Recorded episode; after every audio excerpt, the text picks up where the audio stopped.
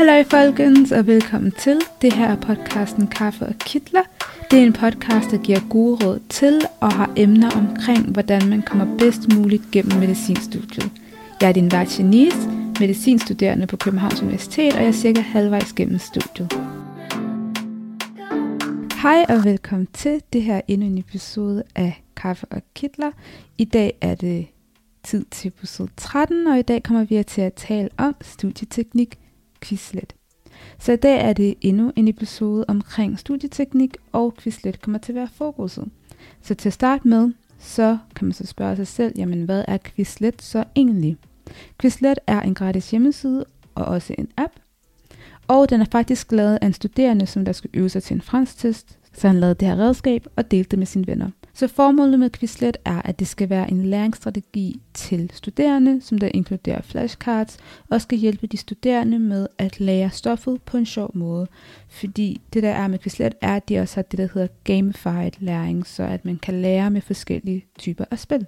Så det der er med Quizlet, det er, at det faktisk er en aktiv måde at lære på, at man kan tage stoffet og lære det på en aktiv måde, både på sådan en gamified måde, altså sådan en spillemåde, men også med flashcards. Øhm, hvis du gerne vil vide lidt mere om aktiv og passiv læring, så kan du lytte til første episode, Studieteknik Anki. Men for i dag, så kommer fokuset til at være på Quizlet. Så hvordan fungerer det egentlig? Det man kan gøre med Quizlet er, at man logger ind, og så kan man vælge det, der hedder Study Set. Man kan vælge at lave sit eget study set, eller man kan søge efter et emne og bruge andres study sets. Og så kan man øve de her study sets på forskellige måder. Jeg vil nævne fire forskellige måder, man kan øve de her study sets på. Den første er flashcards. Med flashcards, som I kender det, så er det sådan nogle her vennekort, og det er så den funktion, som flashcardsene på Quizlet har. Så er der den måde, der hedder Learn. Det er en personaliseret plan, alt efter hvor godt du gerne vil lære det her stof, altså at du gerne vil lære det til sådan et mediocre niveau, eller at du gerne vil lære det rigtig, rigtig godt, og hvor godt du i forvejen kender til stoffet. Så vil den give dig nogle kort, og jo flere du besvarer korrekt, jo sværere bliver de her spørgsmål. Så for eksempel så kan det gå fra at være sådan nogle multiple choice spørgsmål til at være fritekstspørgsmål. Og under den her learn-funktion, så kan man også gå ind under det her options, og så er der to andre måder, man også skal lære på. Det er det, der hedder write, så man har fokus på, at man skal skrive det her svar på spørgsmålet, og så er det det, der hedder spell, hvor der så er fokus på, at definitionen bliver sagt højt, og så skal man prøve at stave, hvad man hører. Der er også den tredje funktion, der er sådan en match-funktion. Det vil sige, at man skal matche definitionen til beskrivelsen. Så der vises altså seks par kort per spil, og så skal man så matche hvert par til hinanden på tid.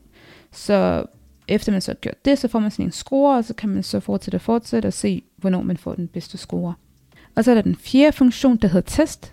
Det er en nem måde at teste sin viden til kortene på. Så under tester findes der sand falsk, der findes multiple choice, der findes match kortets definition til beskrivelsen, og så findes der fritekst.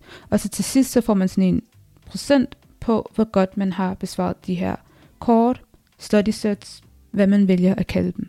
En anden funktion, som der også er inde på Quizlet, det er noget, der hedder Quizlet Live, og det minder lidt om Kahoot. Så det er sådan samme koncept, hvor man er et klasselokale eller en gruppe folk, og så er det så, at man har det her spørgsmål, der bliver vist på tavlen, og så kan hver person og besvare det rigtigt med de der fire forskellige svarmuligheder på sin telefon. Så vil jeg komme ind på fordele versus ulemper ved Quizlet. Fordel nummer et er, at Quizlet har et flot, moderne design med en brugervenlig løsning. Fordel nummer to er, at man kan sige, at nøglefunktionerne i Quizlet er gratis. Så man skal kun betale, hvis man gerne vil have det ekstra, f.eks. offline brug. Fordel nummer tre er, at der er forskellige måder at gense studiematerialet på med Quizlet, Altså der er de forskellige måder, som der er nævnt for oven, for eksempel det med test, med flashcards, med learn-funktionen og med match-funktionen. Man bestemmer sig selv, hvordan man vil lære stoffet på, og man er ikke låst til at bruge flashcards for eksempel. For eksempel hvis man ikke synes, at bare flashcards er sjovt, så kan man sagtens bruge noget andet. Og hvis man for eksempel ikke synes, at man får noget ud af flashcards, jamen så er der en hel masse andre funktioner, man kan bruge inde på Quizlet.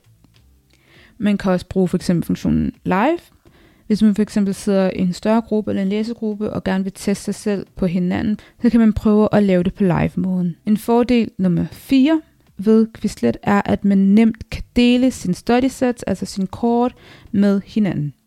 Af ulemper, så er ulempe nummer 1, at space repetition ikke er en mulighed. Ulempe nummer to er, at man sagtens skal få forkert information. Det der er, det er jo, at alle kan lave sin study sets, men alle kan også komme til at lave fejl. Så man kan sagtens komme til at studere noget information, hvor det der står faktisk ikke er korrekt.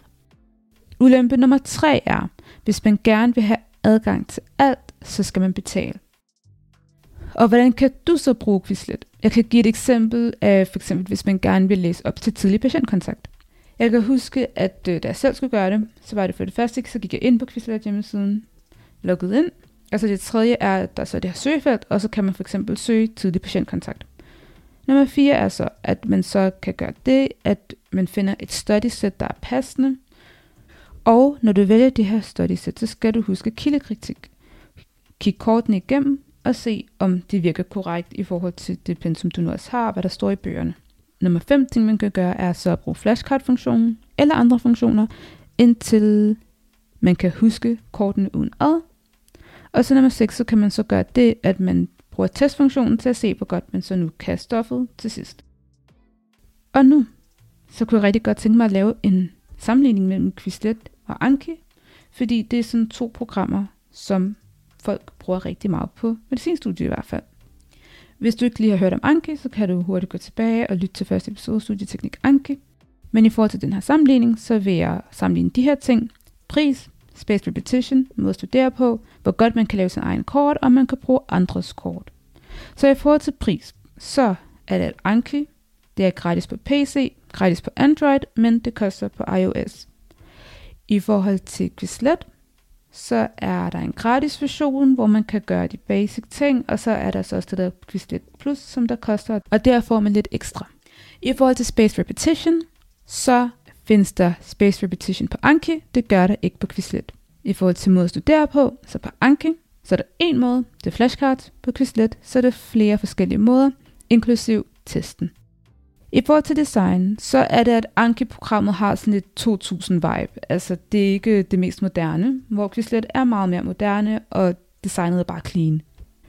Hvor til importering af kort, altså man kan bruge andres kort, det kan man godt på Anki, og det kan man også godt på Quizlet, men på Quizlet er det lidt nemmere, fordi man egentlig bare skal søge i søgefeltet, hvor på Anki så skal man importere og få det ind, bla bla bla. I forhold til brugervenlighed, så er Anki svært især i starten, når man skal sætte sig ind i det, og med Quizlet, så er det egentlig bare nemt fra starten, og det er hurtigt og nemt at bruge. Så med det vil jeg sige, at nogle mennesker har Quizlet som præference, fordi det er nemt at bruge, det er flot, det har et clean design, og der er mange forskellige måder, man kan teste sig selv i stoffet på. Og så er der andre, der har Anki som præference, og det er måske mest på grund af, at der egentlig er den her Spaced Repetition option, som man kan gøre brug af til at prøve at huske stoffet bedre over længere tid. Så kan man stille sig selv spørgsmålet, er Quizlet noget for mig? Og svaret kommer meget an på din læringsstil og dine præferencer. Så man kan gå ind og tænke på, hvad synes du egentlig om beskrivelsen af Quizlet? Og så kan man bruge det til at se, om man synes godt om Quizlet. Og så kan man også i forhold til den her sammenligning, så prøve at sådan mærke på sig selv, hvad der egentlig vejer mest for ens selv. Man kan stille sig selv spørgsmålet, er spaced repetition vigtigt for mig? Er brugervenlighed og navigering i programmet vigtigt for mig? Er designet af programmet vigtigt for mig? Og hvad er mit formål egentlig med at bruge en af de to flashcard-apps? Og hvad er mit budget? Er de ting, som der så er vigtigst for dig, hvilken af de to apps scorer så højst? Var det Anki eller Quizlet? Så med det, så siger jeg tak for nu. Det var det for den her episode, og vi ses til næste gang.